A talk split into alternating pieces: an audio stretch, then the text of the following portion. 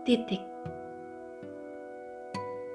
Aku pernah terbangun dalam keadaan gamang. Sebab harapan yang terlalu tinggi. Pernah juga terbangun dalam keadaan mati. Sebab dibunuh oleh mimpi. Tapi sekali aku terbangun dalam keadaan hidup. Namun segalanya telah berhenti. Aku tidak mati. Hanya cerita yang kuakhiri.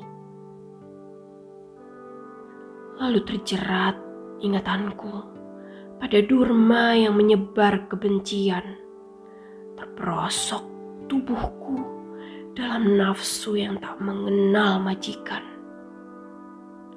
Aku terlalu mengabaikan logika hingga perasaan merajai seluruh indera.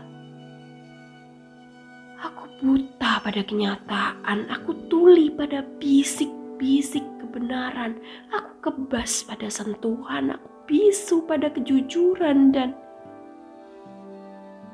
hanya getir yang ku kenal di ujung bibir.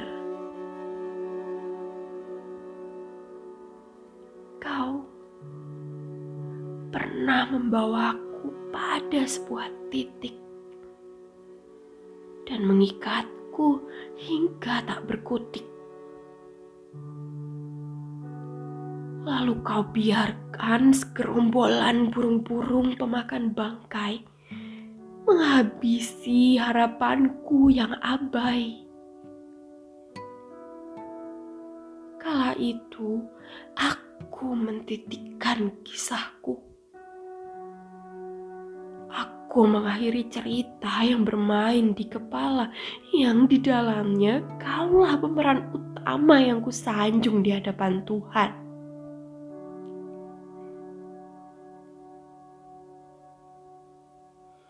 Kemudian lahir sebuah pertanyaan.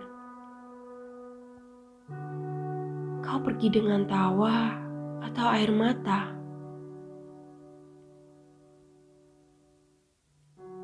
Namun yang ku tahu, ketika ku titikkan kisahku,